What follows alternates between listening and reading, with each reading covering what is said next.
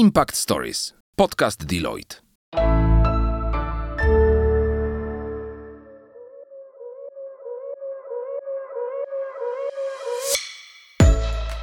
Cześć! Impact Stories powstało z myślą o studentach, którzy szukają inspiracji, chcą się rozwijać i poznawać świat biznesu od kuchni.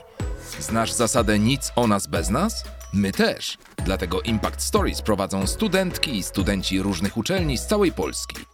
To aktywne działaczki i działacze organizacji studenckich, którzy na chwilę chcą się znaleźć po drugiej stronie lustra. Dzięki Impact Stories spotkają się z ekspertkami i ekspertami Deloitte z różnych dziedzin, którzy podzielą się z nimi swoim doświadczeniem i odpowiedzą na najtrudniejsze pytania.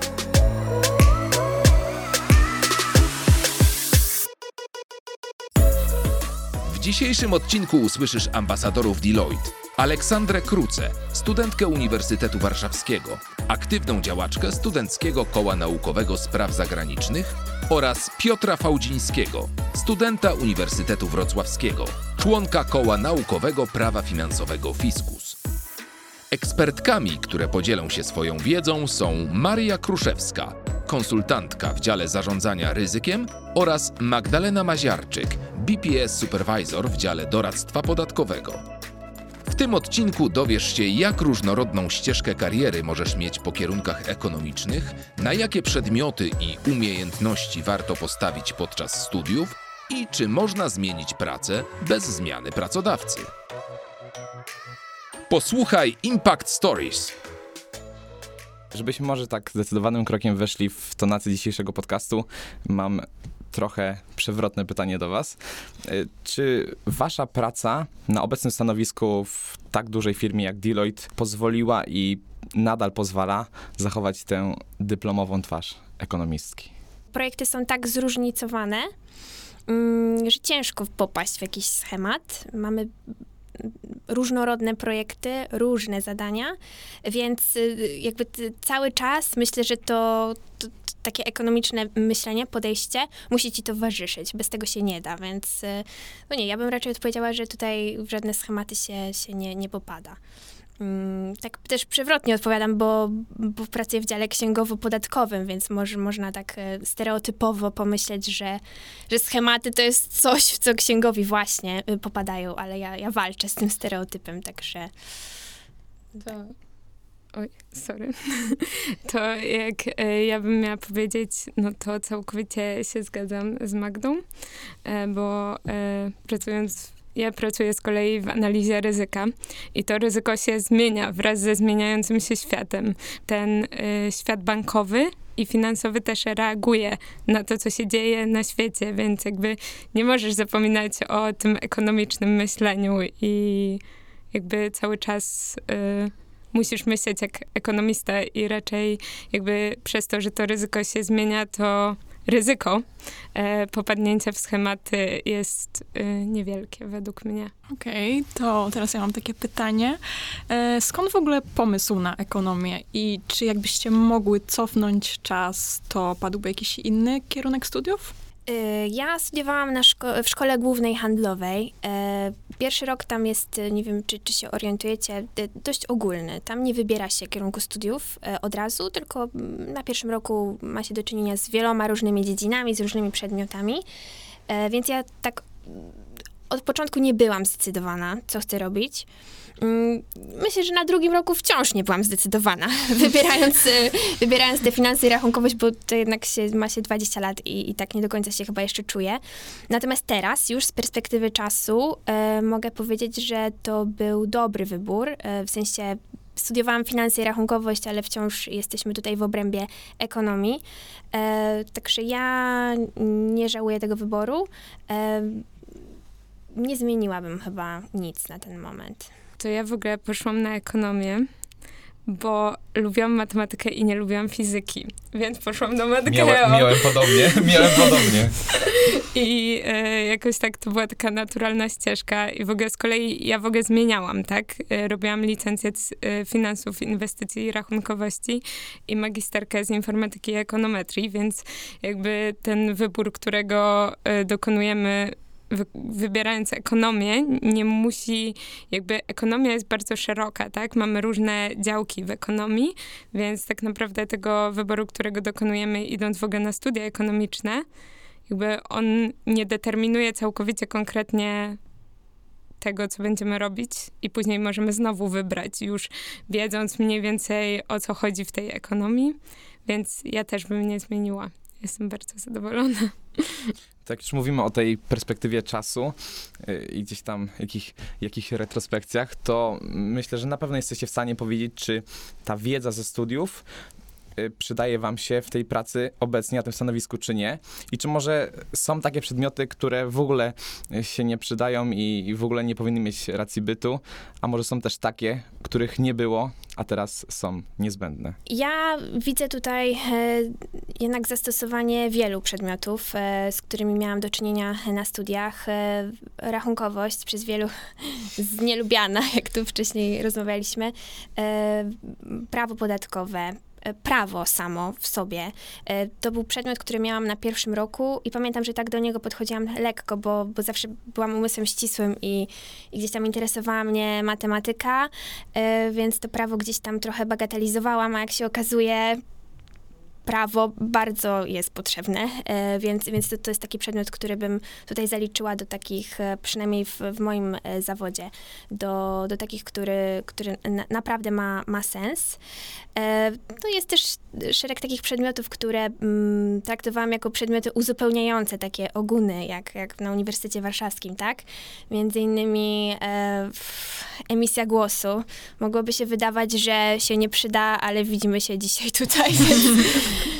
zaskakująco, ale jednak nawet to, to, to gdzieś tam się przydaje.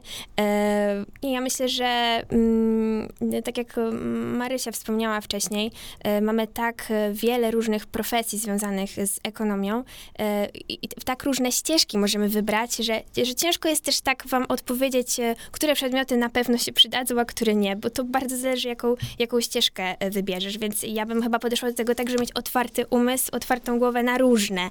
Nie, nie przekreślać żadnego przedmiotu. Przychodząc do Deloitte, czułaś, że czegoś ci brakuje? Jakiejś wiedzy, jakiś... E, tak, ja czułam, że e, mogłam więcej czasu poświęcić właśnie podatkom na studiach, e, że skupiłam się na tych przedmiotach bardziej e, takich ścisłych, mm, a, a gdzieś tam to prawo podatkowe czy prawo gospodarcze jednak. mm, Ja pracuję w dziale takim księgowo-podatkowym i tutaj to nie jest tylko matematyka, to nie jest tylko liczenie, to nie są tylko kalkulacje. Oczywiście jest to duża część naszej pracy, wsz- wszelkie analizy e, matematyczne, natomiast jednak to to, to gdzieś tam poruszanie się po przepisach, znajomość procesu legislacyjnego, umiejętność rozróżnienia, tak, ustawy, rozporządzenia, poruszania się po tych wszystkich aktach prawnych, to jest coś, co e, bardzo mi się przydaje, a będąc na studiach, będąc taką młodą osobą, e, gdzieś tam mm, nie czułam, że jest to tak, tak istotne. Czyli jednak y, ten słynny cytat, że w życiu pewne są tylko podatki i śmierć, y, jednak ma zastosowanie. Ma zastosowanie, dokładnie, sprawdziło się. Patrząc na ten y, wszechobecną, na tą wszechobecną sytuację y, i te dynamiczne zmiany w prawie przede wszystkim, y, czy one wprowadzają dużo zamieszania w waszej pracy, czy musicie dużo poświęcać się temu po godzinach pracy, doszkalać się i tak może odważnie z perspektywy pracownika, czy to nie jest problematyczne? Czy nie staje się to problematyczne? Generalnie część naszych projektów się opiera na tym, że właśnie zmieniły się przepisy, zmieniło się prawo, więc w sumie można Czyli to taki powiedzieć, napędzacz że trochę. dzięki temu, że zmienia się prawo, to my mamy co robić generalnie. Więc, y, no bo na przykład y, wchodzą jakieś nowe rekomendacje KNF-u, które banki muszą do nich y, dostosować swoje wewnętrzne e, metodologie, e, swoją, swoje wewnętrzne e, dokumenty. No i dzięki temu, a że potrzebują w tym pomocy, to dzięki temu my też mamy co robić. Mm, Tak, to u- u nas e, też e, gdzieś tam to, to, ta, zmieniająca się wokół nas e, rzeczywistość i szybkość tych zmian też ma znaczenie. Musimy gdzieś tam wspierać naszych klientów w, w tym, co, co, co się dzieje. A pytałeś, czy jak to tak szczerze wpływa na, na nasze funkcjonowanie. Tak, bo też tak myślałem o tym, że generalnie wiem, że, że, że gdzieś ta satysfakcja w pracy jest potrzebna i powiedzmy, wiem, że opanowałem jedną ustawę i znam ją na pamięć, nie zdążyłem się obudzić na drugi dzień, a ona już nie jest aktualna. Dokładnie. To, to jedna rzecz e, stała, to, to jest zmiana po prostu w podatkach i, i to, to, to, to, jest, to jest prawda. I często to może być męczące, zwyczajnie, tak? No bądźmy szczerzy, że, że w, w takim tempie, kiedy wprowadzane są nowe ustawy, e, żeby za tym nadążyć, to, to trzeba mieć tutaj e, dużo dobrej energii, nie, nie poddawać się. E, Natomiast e, no, no jest to męczące, nie, nie, nie ukrywajmy. Tak, takie mm, funkcjonowanie, pracowanie z taką dużą dozą nie, niepewności też, e, czy, czy poprawnie dany przepis jest stosowany, czy nie, czy oczekiwanie na interpretację. No, gdzieś tam jest to po prostu wyzwanie. Trzeba być elastycznym, żeby pracować w, w, taki, w taki sposób. Tak już tak jesteśmy w tym e, temacie e, zmian, e, to ta droga nasza życiowa, gdzieś zawodowa, to też e, to jest czas ciągłych zmian, e, ciągłych szkoleń, ciągłych e, certyfikatów.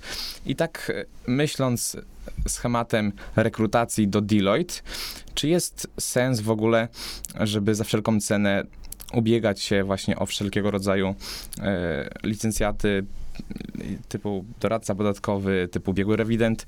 Czy to ma wpływ w ogóle na wasze późniejsze stanowisko gdzieś, y, tak patrząc okiem kandydata? Mhm.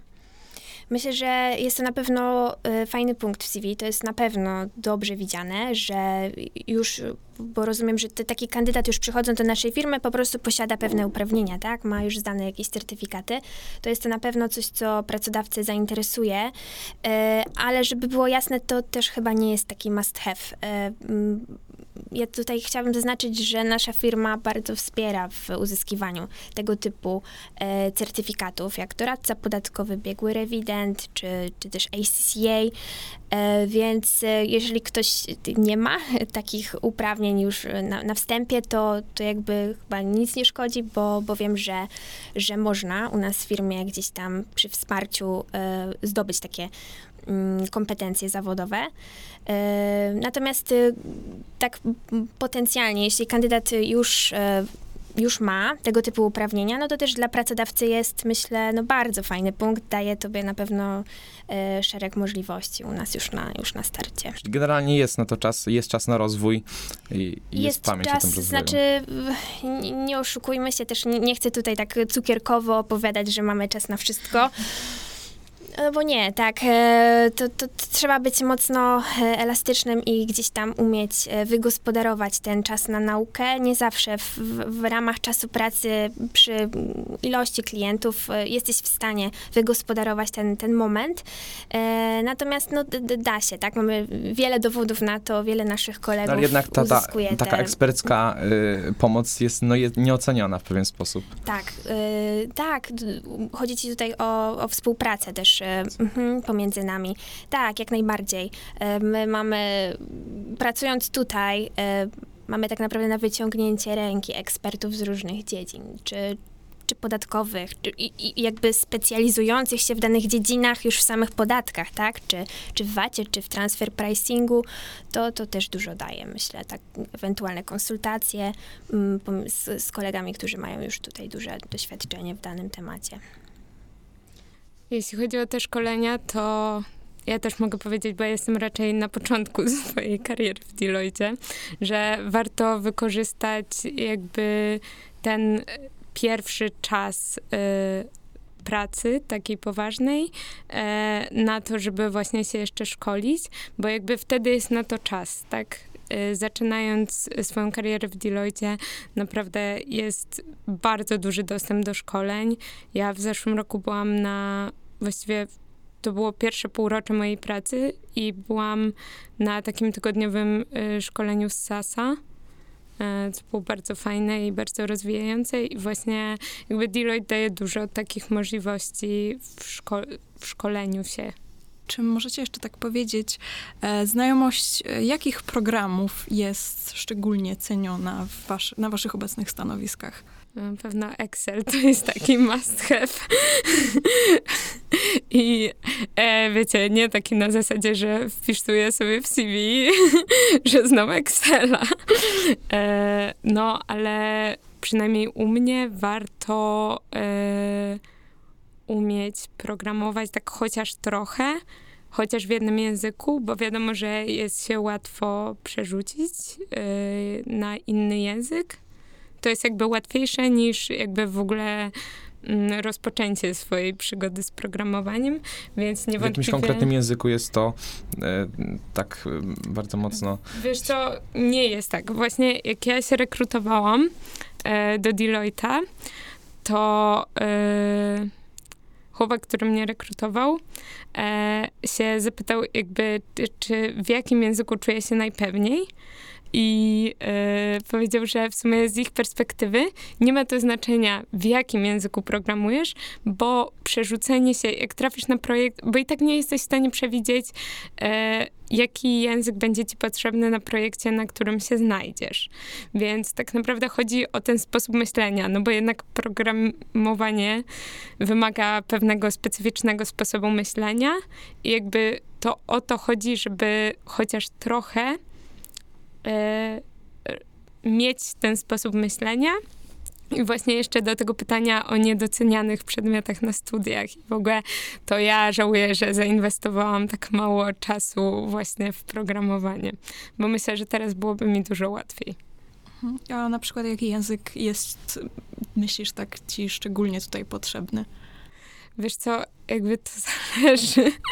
Wiem, że to nie jest odpowiedź, której oczekujecie, ale naprawdę to zależy, no bo y, niektóre banki korzystają z SASa, y, potrzebny jest SQL, no bo to jest bardzo bazodanowe, jakby my dużo pracujemy na danych finansowych, więc niewątpliwie SQL, VBH też się przydaje. Y, Wiem, że na zagranicznych projektach ludzie bardziej korzystają z Pythona, bo generalnie w Polsce jest raczej R, y, a za granicą jest raczej Python.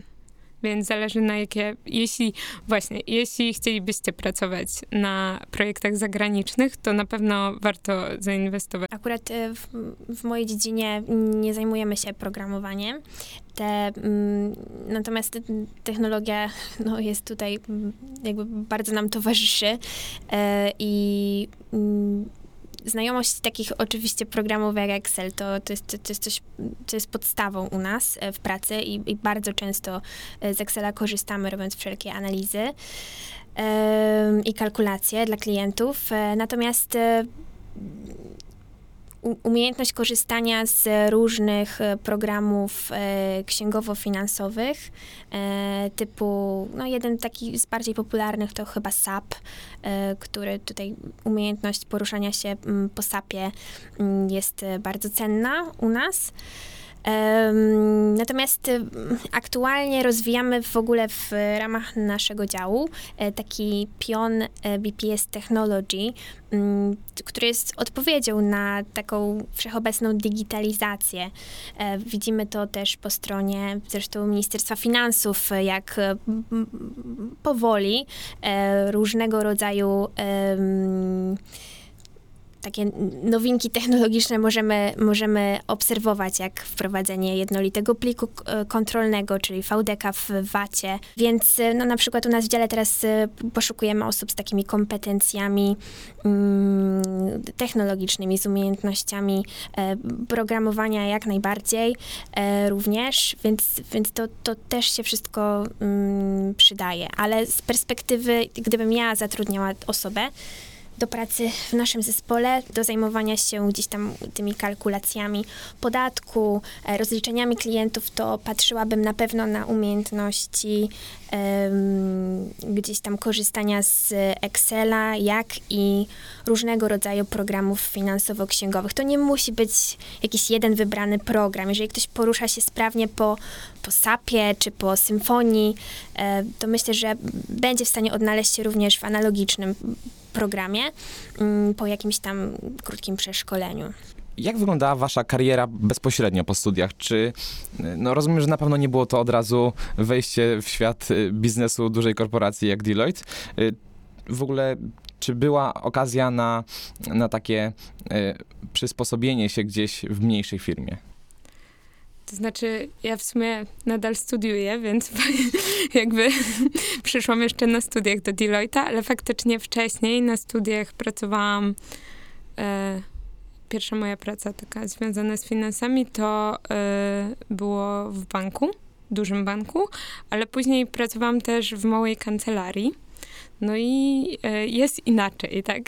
Na pewno w e, małej firmie nie macie wszystkich benefitów, które się wiążą z, z dużą korporacją, ale również jest, jest inaczej, tak? No bo mm, u mnie w dziale na przykład nie pracujemy na wszystkich projektach w tych samych zespołach, tylko jakby te zespoły się e, zmieniają. Jakby można trafić na jeden projekt z danymi osobami, później na kolejny z innymi, a w małej firmie pracujesz cały czas z tymi samymi ludźmi, tak? To jest taka duża różnica według mnie. Ja rozmawiałem przed podcastem z Magdą y, tak o atmosferze w Deloitte i o tych projektach właśnie, które są różnorodne, jest ich dużo i też nie zawsze każdy projekt jesteśmy sami w stanie rozwiązać, że jest tak fajnie, że mamy do dyspozycji mnóstwo osób, ekspertów, y, którzy y, po prostu są dostępni. Tak, y, to prawda i, to też różni y, pracę u nas w, dużej firmie od y, pracy w mniejszych, w mniejszych przedsiębiorstwach. Ja też mam takie doświadczenie za sobą, że, że zaczynałam gdzieś tam swoją pracę w trakcie studiów w małym biurze rachunkowym i no, mogę to porównać. Faktycznie, tak jak mówisz, pracując tutaj mamy to zaplecze eksperckie z różnych dziedzin. Ja w moim dziale mm, zajmuję się mm, różnego rodzaju analizami dla klientów, rozliczeniami e, również podatkowymi, natomiast nie jestem ekspertem w dziedzinie VAT-u czy, czy CIT-u. E, Kiedy potrzebujemy takiej konsultacji, kiedy pojawia się jakiś e, bardziej złożony problem, mm, to mamy taką możliwość, żeby się skonsultować. E, Na wielu projektach również, e, tak jak Marysia wspomniała, że współpracujemy na różnych projektach z różnymi osobami, to, to tak jest właśnie też, też i u mnie w dziale. To jest dział Mm, księgowo-podatkowy. tak, mój, mój dział jest, tak można, możemy go tak w skrócie określić. E, mamy do czynienia z wieloma różnymi projektami. Niektóre mm, polegają na tym, że prowadzona jest e, księgowość dla, dla klienta na naszym systemie bądź na systemie e, klienta, to, to wszystko zależy, ale również są takie projekty, które mm, polegają na jakiejś analizie e, danych bądź na mm, przygotowywaniu rozliczeń podatkowych e, bieżących, mm, na przygotowywaniu sprawozdań finansowych. Naprawdę mamy duże spektrum różnych zadań, więc każdy coś dla siebie e, znajdzie. E, powiedzcie, jakie są zadania praktykantów w waszych działach? Ja mam to w miarę na świeżo, bo ja dopiero od pół roku nie jestem praktykantem. E, I w sumie to e, u nas nie ma tak, że praktykant robi kawę, chodzi kserować, ani nic takiego. Jest normalnym, pełnoprawnym członkiem zespołu projektowego. I po prostu jakby praktykant jest e, na tym pierwszym mm, jest tym pierwszym ogniwem łańcucha, tak? Jakby robi takie jakby z jednej strony wstępne researche, z drugiej strony jakby e, wstępne, no wstępne drafty. Drafty są wstępne, ale jakby po prostu te e, drafty tego, co idzie do klienta, projekty różnych maili, ale też liczy e, tylko po prostu jakby po praktykancie się sprawdza. A Magda, jak to u ciebie wygląda? Y, Tak, u nas m, praktykant m, podobnie jak, jak u Marii w zespole n- nie zajmuje się takimi rzeczami jak parzenie kawy i to m, broń Boże. Praktykanci u nas e, są, mm, są to osoby, które mm, odpowiadają za e, wprowadzanie danych do systemów e, finansowo-księgowych, e, za taką, mm, taki, taki pierwszy czek wszelkiego rodzaju dokumentów czy danych, bo to w zależności od tego, na jakim projekcie dana osoba jest zatrudniona. Praktykanci robią wstępne kalkulacje podatkowe. To też nie jest tak, że, że praktykant tylko księguje faktury i, i, i nic więcej nie robi. Em, Dajemy możliwość e, w- wszystkim osobom, żeby mogły też brać udział mm, w pełni w danych projektach e, i mieć coraz w miarę gdzieś tam upływu czasu, żeby te, te zadania były coraz bardziej ambitne i coraz bardziej zaawansowane. Ale trzeba przy tym wspomnieć, że te stanowisko e, staramy się, żeby było jak najbardziej samodzielne, ale oczywiście taka osoba na początku swojej drogi gdzieś tam potrzebuje wsparcia, e, potrzebuje tej weryfikacji, więc, więc jest to, to stanowisko, które mm, jest częściowo samodzielne, a, a częściowo z jakimś tam, wiadomo, nadzorem i kontrolą i pomocą. Rozumiem, że każdy praktykant ma swojego mentora też, tak? E, Tak, nie tylko e, praktykant, e, ale e, wszystkie osoby m, gdzieś tam m, u nas e, mają swojego, to- to się nazywa coach, e, czyli taka osoba, która gdzieś tam jest takim twoim przewodnikiem, powiedzmy. Możesz z taką osobą skonsultować, jakby jakbyś chciał, żeby twoja dalsza droga gdzieś tam wyglądała, czy masz jakiś pomysł inny na siebie, czy masz e, potrzebę jakichś szkoleń w, w jakiejś dziedzinie pokrewnej, innej, e, niż to, co aktualnie robisz, e, czy, czy chcesz rozwijać jakieś swoje kompetencje. Też jest to taka osoba, z którą możesz, której możesz zasygnalizować, że na przykład twoje aktualne zadania może niekoniecznie cię satysfakcjonują, bo tak też się zdarza i, i gdzieś tam, no ja, ja jestem przykładem na to, że możesz też w obrębie naszej firmy e, zmienić trochę swoją drogę, swoją ścieżkę e, zawodową, bo przyszłam do naszej firmy, to zaczęłam pracę w zespole księgowości wewnętrznej. E, No, pracowałam tutaj przez jakiś czas, ale w pewnym momencie po prostu poczułam, że, że nie do końca odnajduję się, że, to, to, że nie do końca te zadania mi, mi pasują, więc też przy udziale tego typu osób można dokonać zmian i, i, i tak oto e, udało mi się gdzieś tam trafić do zespołu e, księgowości i podatków e, tak, w takiej formie outsourcingu, czyli pracujemy dla klientów zewnętrznych. Mm, I no i tak. Tak sobie myślę, że w sumie Deloitte ma bardzo dużo wspólnego z, z ekonomią, bo jest tak samo różnorodny i tych ścieżek jest dużo, więc y, jak wy to widzicie? Że, że osoba po ekonomii ma duże szanse, żeby się odnaleźć w Deloitte? I, a jak tak, to gdzie? Jakie są E, możliwości? Niewątpliwie jest bardzo dużo możliwości. E, Myślę, że jeśli w ogóle e, nawet się nie wie do końca, co chce się robić, Zwykle to, tak jest. warto, to warto przyjść do Deloitte, bo po prostu e, nawet jeśli na początku, tak jak Magda mówiła, nie trafimy do tego działu, do którego chcielibyśmy docelowo trafić, to jakby samo bycie tutaj pozwoli nam zobaczyć tak naprawdę i ta też współpraca z innymi działami pozwala czasami zobaczyć po prostu, o, teraz pracowałem z nimi, w sumie to chyba bardziej mnie jednak interesuje to, co oni robią. No i jakby z tymi przejściami raczej nie ma problemu, z tego, co ja się orientuję. Tak, dokładnie. Ja, ja jestem żywym dowodem na to, że, że, że można ten dział zmienić, jeśli e, tylko czujesz e, taką, taką potrzebę. I to, to, co powiedziałeś, e, ta różnorodność e, tutaj projektów i działów e, daje szerokie spektrum możliwości osobom po ekonomii. E, no to tak jak my z Marysią różnimy się gdzieś tam. Ja wiem, że mm, Marysia, y, jednym z jej bardziej ulubionych przedmiotów była ek- ekonometria, tak? E, ja ekonometrii nienawidzę. To dobrze siedzimy. Ja też. Tak, gdzieś ja, ja jestem bardziej team e, rachunkowość, także jak, jak widać po... Z kolei ja nienawidziłam rachunkowości na studiach. Dokładnie. I siedzimy tu razem, tak? Więc e, się da. E, w zależności od tego, jakie ktoś ma predyspozycje, w czym się lepiej odnajduje, no to myślę, że znajdzie coś dla siebie, tak? W obrębie samych podatków, które wiem, że ciebie interesują, masz też tyle różnych e, działów, tyle możliwości, tyle specjalizacji, e, że, że myślę, że, że można coś, coś dla siebie znaleźć. E, Tylko kwestia, kwestia twojego wyboru. E, I tak na koniec, czy mogłybyście dać jakąś radę osobom chcącym zacząć swoją karierę w finansach? Myślę, że... Czy warto w ogóle?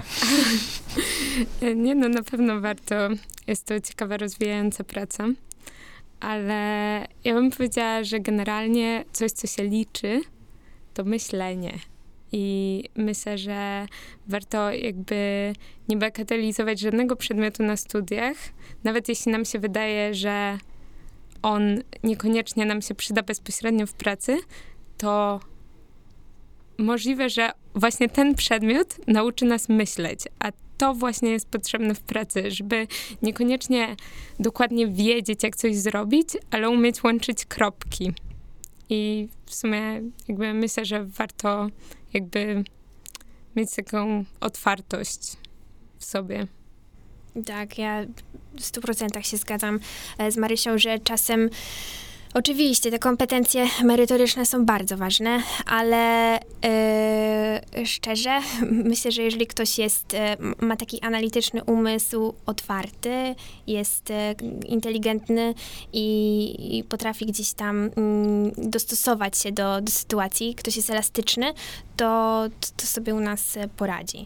E, czyli to, to to jest taka rada może, żeby mieć o, po prostu otwarty umysł i się nie bać wyzwań. To oczywiste. Na, na przykład my dzisiaj z Marysią też się mierzymy z pewnego rodzaju wyzwaniem.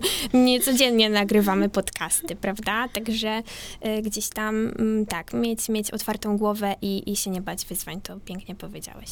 Super. Dziękujemy wam bardzo za rozmowę. Dziękujemy wam.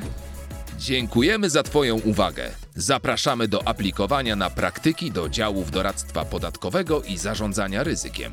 Więcej informacji o wiosennej rekrutacji znajdziesz na stronie kariera.deloitte.pl oraz w naszych mediach społecznościowych. Do usłyszenia w kolejnym odcinku.